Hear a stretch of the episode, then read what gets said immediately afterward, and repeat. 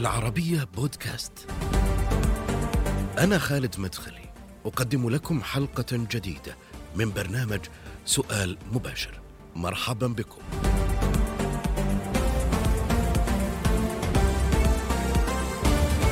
طالب بنقد الخطاب السياسي الشيعي ونقد حراكه منذ تأسيس الثورة الخمينية وانعكاساتها على الداخل الشيعي. يرى أن الوقت قد حان وبضرورة قصوى اليوم لنقد تاريخ هذا الخطاب في المنطقة عموما وفي الإحساء والقطيف في السعودية خصوصا. الناقد والشاعر السعودي محمد الحرز في سؤال مباشر. أستاذ محمد حياك الله معي في سؤال مباشر. أهلا وسهلا ومرحبتين وللساده المشاهدين عزيزي صدقاء الله يحييك. خليني أبدأ معك من المقال آه، اللي نشر في العربية نت في 12 يناير 2022 الحراك السياسي الشيعي وضرورة المراجعة. تقول إن هناك ضرورة إلى نقد تاريخ هذا الخطاب في المنطقة بالخصوص بالعموم وخصوصا في الأحساء والقطيف ونقد حراكه منذ تأسيس الثورة الخمينية وانعكاساتها على الداخل الشيعي. لماذا الآن؟ هل في التوقيت دلالة معينة؟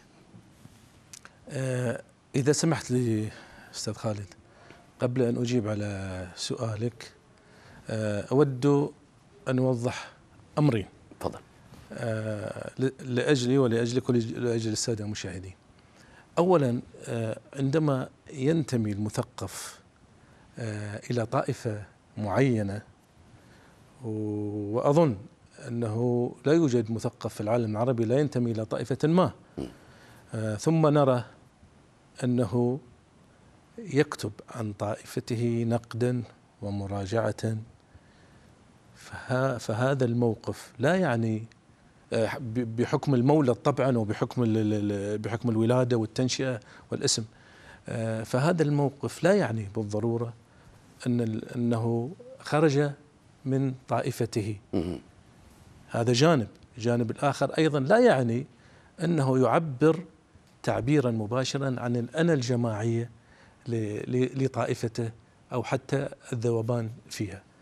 إذا المسافة ما بين الاثنين هو موقفي بالدرجة الأولى. وهذا ما أعبر عنه في جميع كتاباتي. ثانيا الأمر الثاني هذا يضعني آه، ضمن آه، السؤال الذي قلته وأن جميع ما أحاول كتابته آه، في هذا المقال أو غيره كان ينصب ضمن هذا هذا التوجه.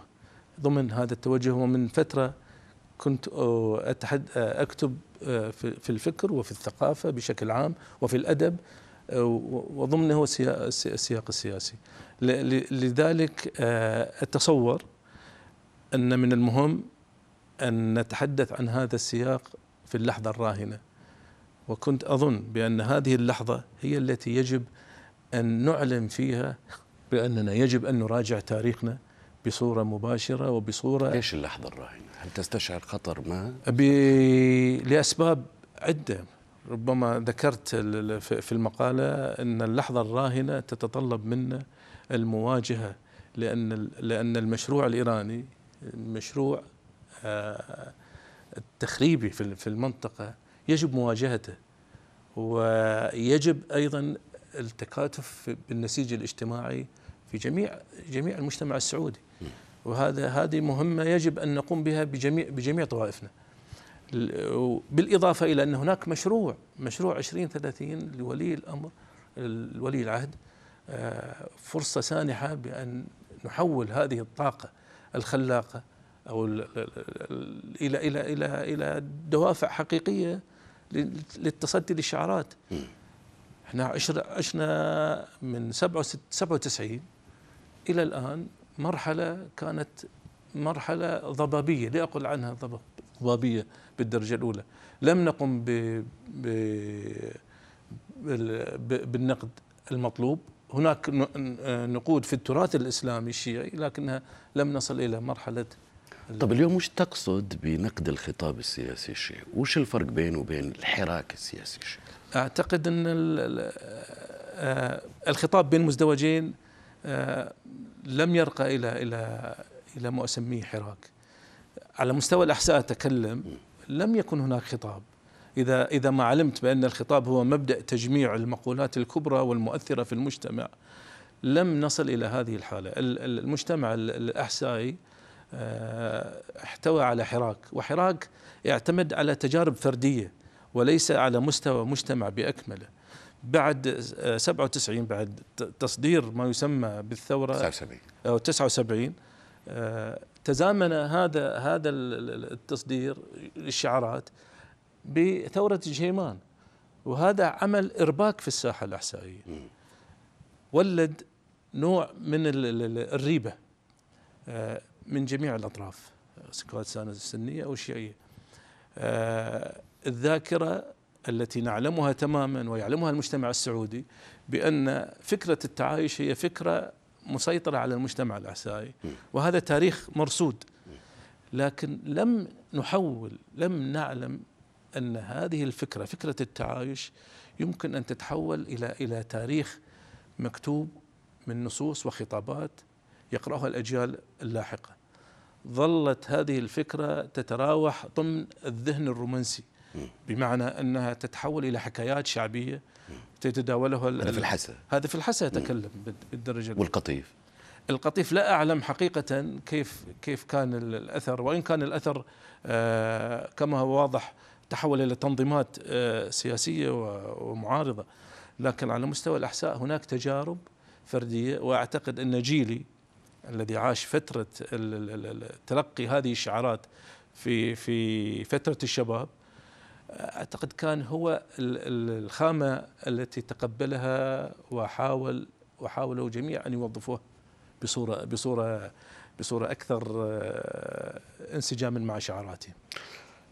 وش الفرق في شخصية المواطن الأحسائي والمواطن القطيفي من ناحية التأثير لأنه أنت تقول تحول إلى حراك في القطيف وانضمام إلى أحزاب وتنظيمات على الأرض فبالتالي ليش ما تأثر الأحسائي المواطن الأحسائي بهذا الشكل الذي تأثر به آه، المواطن في القطيف أعتقد أسباب عديدة جدا. المجتمع الأحسائي مجتمع مسالم آه ومتصالح مع تاريخه. ليس متصالح بمعنى أنه أقدم على قراءته ونقده بشكل كبير وإنما متصالح بسبب طبيعته بطبيعة طبيعته الشخصية.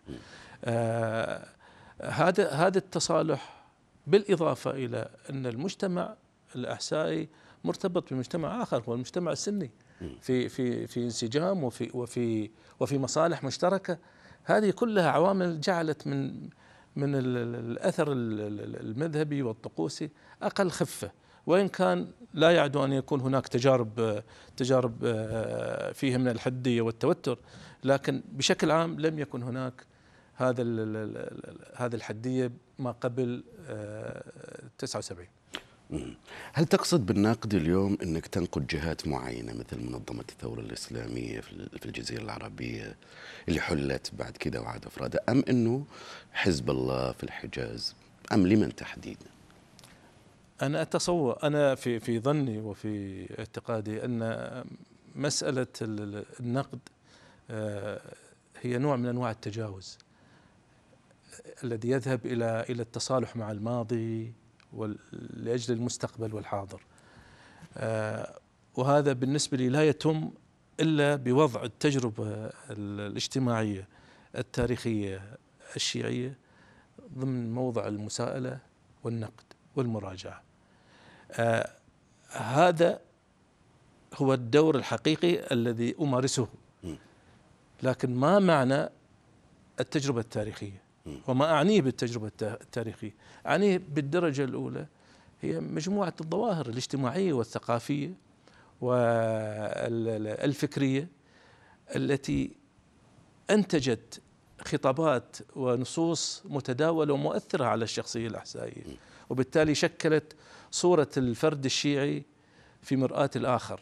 الآخر سواء كان هذا الآخر السني أو أي طائفة أو حتى مرآة الدولة ومؤسساتها ما أدعو له هو تفكيك هذه الصورة وإعادة تركيبها وفق وفق التمثل الواقعي للحياة الشيعية في حياتها اليومية وهذا مهم بالنسبة لي وهو ما أدعو له وما أسعى إلى إلى تطبيق. الانتقاد هل هو للشيعية السياسية أم للمذهب؟ لأن هناك من يتساءل ربما يطرح هذا السؤال اليوم. لا أعتقد المسألة تتعلق آه، لا يوجد فصل تام بالنسبة لي. آه، آه، وضع التجربة السياسية يجب أن نضعها في سياقها الثقافي والاجتماعي والثقافي وهذا يتحتم على على الناقد أن يتناول كل الكل في سياقها المعين. لذلك لا يمكن أن أتحدث عن عن عن من مارس السياسة في الأحساء بمعزل عن أفكاره الدينية وأفكاره العقائدية وأفكاره الاجتماعية. وهذه بالنسبة لي هي هي هي هي المقصد الحقيقي من النقد. هناك من يقول بانه المراجعات اللي تمت ربما خلال الفترة الماضية على مدى التاريخ في الخطاب السياسي الشيعي لم تتحدث عن عصب أو لب المشكلة نفسها يعني وعن مفاهيم أساسية مرتبطة بمفهوم الدولة الدينية مراجعة مفهوم ولاية الفقيه فكرة دولة المهدي المنتظر. هل تتفق مع هذا الرأي؟ أنه هنا المشكلة في, في, في فكرة نقد الخطاب السياسي الشيعي لا أعتقد هناك مراجعات حدثت مراجعات آه، حسب علمي وحسب اطلاعي ومنهم أصدقاء. آه، حاولوا أن يؤصلوا آه، الفكر الفكر الشيعي ضمن إطار مفهوم الدولة. منهم من آه، من تجاوز مسألة ولاية الفقيه ومنهم من من آه، أوصلها إلى إلى الديمقراطية وإلى أمور عديدة. ومنهم من راجعها ضمن سياق الخطاب الإسلامي بشكل عام أو التنويري بشكل عام. اذا هذه هذه هذه تعتبر مراجعات عديدة. وأيضا منهم آه، من كان صريحا ولكن بذهن صحفي. بذهن صحفي راجعها وحدثت هذه المراجعات لكنها لم تصل إلى حد أن تكون مكاشفة حقيقية. مكاشفة حقيقية بمعنى أن أن يكون هذا الخطاب خطا في هذه النقطة وأخطأ في هذه هذه الواقع. لم لم نصل إلى هذه هذه الحد. تحدثت بأن هناك مراجعات ولكنها لم تصل إلى نقاط معينة كما ذكرت قبل الفصل ما هي هذه النقاط أو الإشكاليات التي لم تصل إليها هذه المكاشفات أنا في حقيقة الأمر ألاحظ وهذه الملاحظة مبنية على واقع أن ينبغي أن كل شخص خاض التجربة يجب عليه أن يكتبها على مستواه الشخصي أي أن هذه التجربة لا تحتاج منا إلا إلى أن نسردها سردا أدبيا فكريا عن أي تجربة تتحدث؟ تجربته في في في التورط في في التجربة والانخراط في التنظيم. التجنيد يعني. أو التجنيد أو سميها آه، آه، حراك بسيط جدا. هناك شخصيات في الأحساء أعرفها تماما. آه، ذهبت إلى إلى إلى المعسكرات وين كانت المعسكرات؟ كانت في طهران خارج طهران. ورجع ورجعوا. هذه متى كانت؟ هذه أعتقد في الثمانينات. يعني بداية إلى لم تخني الذاكرة في الثمانينات آه، آه، سافر مجموعة من الشباب إلى إلى من الاحساء من الأحساء طبعا من الأحساء. وبعضهم جندوا ولكنهم لم يستمروا ورجعوا رجعوا إلى إلى من اللي كان يجي الحرس الثوري ولا من؟ آه، طبعا أكيد الحرس الثوري يعني كانوا يؤخذون من سوريا ويتجهون إلى إلى إلى إيران كان يروحوا سوريا اول شيء؟ اي بالضبط سوريا ومن ثم يتجهون إلى إيران آه هؤلاء حقيقه اندفعوا ليس انطلاقا من وعي سياسي أو وإنما من شعارات يؤمن لهم فكرة أن هناك دولة مهدي منتظر سوف تأتي ويجب عليك أن تستعد لها من الآن. هذه الفكرة يعني اعتملت كثيرا في بقية الشباب لكنهم تفاجأوا بالوضع الموجود ومن ثم أدركوا أنفسهم ورجعوا رجعوا بطريقة أو بأخرى. تكلمت معهم أو مع بعضهم حكوا لك عن تجربتهم؟ إي طبعا حكوا كثيرين حكوا حكوا منهم لكنهم طبعا الآن انخرطوا في الحياة اليومية ومنذ فترة تركوا المسائل. تذكر إيش قالوا لك عن تجاربهم؟ كيف كانت؟ والله كانت مريرة جدا كانت مريرة. لكن الشاهد في الأمر بالنسبة لي هو أنهم عليهم أن يكتبوا هذه التجربة لأجل الجيل القادم. وهنا وهم كثرة موجود موجودين في الساحة يجب أن يكتبوها. هذا ينطبق على الأحساء وعلى القطيف. أنا أدعو أن أن يكون هناك تكون هناك كتابة كتابة سيرة ذاتية. ليش ما كتبوا برأيك؟ أعتقد آه، هناك عوامل كثيره اولا عوامل شخصيه وعوامل موضوعيه ربما آه، الاهتمام آه، بالجانب الأدبي والسيري. لم يكن متوفرا عند عند في المجتمع عموما ولم يكن بالأهمية المطروحة الآن. آه، لما حينما تكتب عن عن شخصية وعن وعن سيرة ذاتية فهي تعتبر بالنسبة للمجتمع عامة نوع من الفضيحة نوع من من الخلل في المكانه أيضا. هذه الآن نوعا ما انتهت في الجيل الحالي. لذلك أنا أدعو أن يكون هناك كتابة سيرة ذاتية. آه وسير ربما هي هي من مصلحة الجيل الحالي. يعني أن أن أن يتلقاها. التدريب كان مقتصر على آه، الحرس الثوري ولا كان حزب الله أيضا كان له دور فيه؟ والله لا أعلم.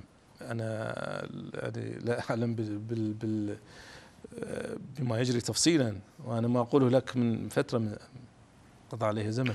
يمكن أنت علقت آه، على التقرير اللي كتبه حسن المصطفى زميلنا في العربيه نت سعوديون في معسكرات حزب الله. وبدأ بالتساؤل عن ما هو أو قال ما هو دور حزب الله في تدريب شباب من السعودية على حمل السلاح وكيف كان أحمد المغسل حلقة الوصل بين حزب الله الحجاز ولبنان والحرس الثوري.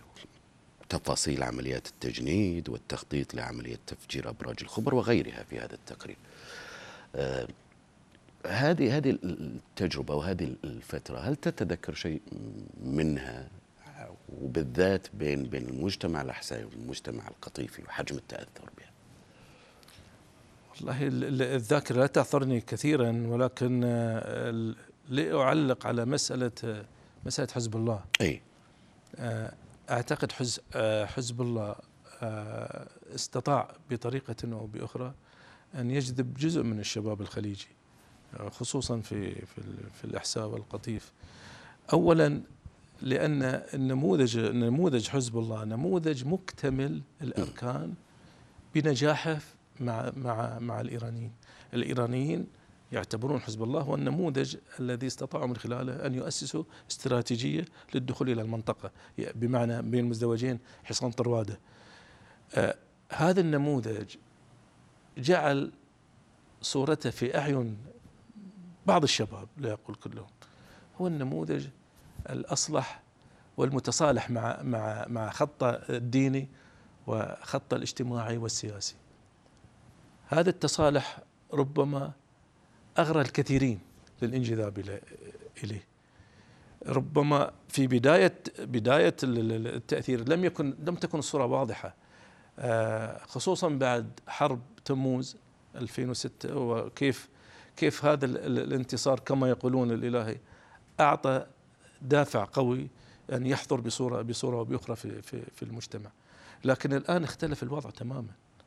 الآن أصبح الوضع مكشوف وأصبحت وأصبح ميليشيات حزب الله هي ميليشيا ميليشيا تخريبية بالدرجة الأولى. النقطة الفصل في عملية الجذب والتجنيد هل كانت قضية دولة المهدي المنتظر آه، كان لها تأثير كبير في الفكر الشيعي وبالتالي تأثير في نشوء وتكاثر الجماعات الحزبية والسياسية؟ ليس العامل الوحيد لا أظن العامل الوحيد. فكرة المهدي المنتظر فكرة شعرية. وموجودة في كل في كل الطوائف وكل المذاهب. آه لكن ما فعلها في الجانب الشيعي هي هو عاملان أعتقد. أعتقد عامل المظلومية في الفكر الشيعي والذي أخذ مداه بشكل كبير في أجيال متعددة. وأيضا ما يدعمها أيضا قداسة الموروث الشيعي بشخوصه. هي التي جعلت جعلت هذين العاملين يتمكنان من فكرة ظهور المهدي المنتظر وظهور دولته على على أيدي آه، الميليشيات بعد الميليشيات هل هناك تغير في نظرة آه، الشيعي المواطن الشيعي اليوم في السعودية في الأحساء في القطيف تجاه حزب الله اليوم في هذا التاريخ؟ أه لا أعط... لا أستطيع أعطيك إجابة كاملة لأن لا هناك لا ليس هناك استقراء كامل. ولكن حسب حسب اطلاعي أن الجيل الحالي له رأي مختلف تماما تماما عن عن الأجيال السابقة، هناك في الأجيال السابقة ربما تعاطف مع مع الثورة في بداية الثمانينات. آه، وتعاطف أكثر مع مع حزب الله في 2009 في 2006 لكن الآن الجيل الحالي لا يربطه ارتباط مطلقا بكل ما ما جرى. ويحاول أن يقدم صورة حقيقية للمجتمع الشيعي للفرد الشيعي في علاقته بالدولة في علاقة مؤسساته في علاقة بالآخر. وهذا ما هو موجود حاليا على المستوى الشباب. كامل الخطي في مقال كتبه في في في صحيفة عكاظ ربما يدق ناقوس خطر إذا جاز لنا التسمية بهذا الشكل أو بهذا التوصيف. الإسلام الحركة الشيعي يطل على القطيف مرة أخرى. قرأت المقال؟ قرأت آه لكن أجدها مبالغة من أستاذ كامل. لا لا أجد أن فيها ما يشي بالخطر القريب. هو يقول طلعتنا الأخبار المحلية المتداولة على مستوى محافظة القطيف ونواحيها بزيارة قام بها رجل دين مقيم في العراق اسمه عبد الكريم الحائري. ولي على زيارته بعض الملاحظات أضعها برسم من رتب زيارته واستقبله واحتفى به إذ أظن ببعضهم خيرا وأعلم أن بعضهم يتمتع بقدر آه، من الحكمة وغيره. لكنه ربما يشير إلى آه، خطر أو يستشعر خطر من هذه الزيارة ربما إذا أخذنا المقال. والله لا أعلم لكن حسب قراءتي للمقال لا أجد في في هناك أسباب تستدعي الاستشعار بالخطر ربما عندها أسباب أخرى ربما لا أعلم لكن حسب المقال لا أجد أن هناك وحسب علمي طبعا معرفتي بالمحيط القليل جدا هل ترى أن هناك أي مؤشرات أو ملامح لعودة الإسلام السياسي في في القطيف وفي الحسا اليوم؟ إذا هذا مشروط مشروط بتقليص أذرع الميليشيات الإسلام السياسي الشيعي هو الآن الباقي رغم أن داعش والقاعدة آه، أخذت الخلفية للمشهد لكن لا زال تحت الرماد ما لا زال. لكن الآن في الساحة هو الإسلام السياسي الشيعي هو المؤثر في المنطقة. إذا لم يكن هناك وقوف جدي ضد هذا المشروع سوف تعود سوف سوف أيضا يعود الإسلام السياسي السني مرة أخرى. تعرف شيء؟ عن عبد الكريم الحائري هذا؟ لا لا والله لا. ما تعرف عنه. أه كيف يمكن تعزيز الحصانة المجتمعية اليوم في الداخل السعودي داخل الطائفة الشيعية من خطابات حزب الله أو غيره الحرس الثوري؟ كما قلت سابقا يجب كتابة التجارب التي مروا بها الشباب حتى يكون هناك خطاب موجود خطاب آه، ضد وتجربة واقعية. حتى يدركوا آه، الخلفيات التي تحركوا من خلالها والنتائج التي وصلوا لها. آه، بعضهم سجن طبعا وخرج من السجن وعاش حياته الطبيعية. ينبغي أن أن يدرك الشباب وهذا نوع من التحصين ضد ضد ضد ما ما يقوم به حزب الله وأذرعته هذا جانب. الجانب الآخر لابد أن يكون هناك مشاريع تنويرية. مشروع وطني. مشروع وطني طبعا مشروع وطني. آه ما هي مقومات هذا المشروع؟ في في في لقاء الدكتور آه، سعد الصويان أعتقد آه، ذكر آه، نقطة جدا. الدمج. دمج القبائل والطوائف من خلال النسب. أعتقد هذا المشروع كان مطروح منذ فترة في التجربة اللبنانية على سبيل المثال كان في الثمانينات أو ما قبل الثمانينات كان يفترض فيه أن يكون هناك دمج من خلال المصاهرة والزواج أي الزواج خلال المهجرين من الضاحية ومن الجنوب إلى إلى إلى بيروت. لكنها جاءت الحرب وقطعت كل كل هذه الأمور. الأحساء على سبيل المثال ما قبل 79 ما قبل 79 كانت كانت هنا هناك توجه حقيقي. توجه حقيقي لدعم هذا الجانب. التناسب كان فيه يعني. التناسب كان في جزئيا. ما قبله كان تناسب كان كان هناك انصهار حقيقي بين المجتمع المجتمع السني والشيعي. بمعنى أن هناك أماكن يتعايش فيها السني والشيعي جارا لجار هذه الفكرة التجاور كانت سوف تؤدي إلى إلى نوع من التزاوج. طبيعيا كانت سوف تؤدي. سوف تؤدي إلى نوع من بس كانت في حالات تزاوج وتصاهر كان لكن ليس على مستوى المحافظة. قليلة يعني. قليلة جدا قليلة جدا. لذلك وفي القطيف الوضع نفس الشيء ولا مختلف؟ لا أعلم حقيقة في القطيف كيف كيف يكون لكن أعتقد إن على الحساب جنب القطيف أستاذ محمد. لا لا المجتمعان مختلفين مختلفان تماما. مم.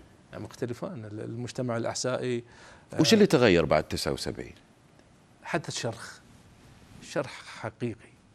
آه توقف كل شيء. آه توقف بحيث استشعر الشيعي الفرد الشيعي إن إن الخوف الخوف الحقيقي.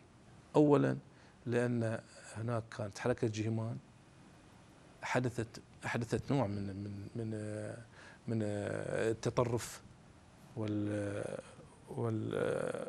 والرؤية إلى إلى المذهب بطريقة مختلفة.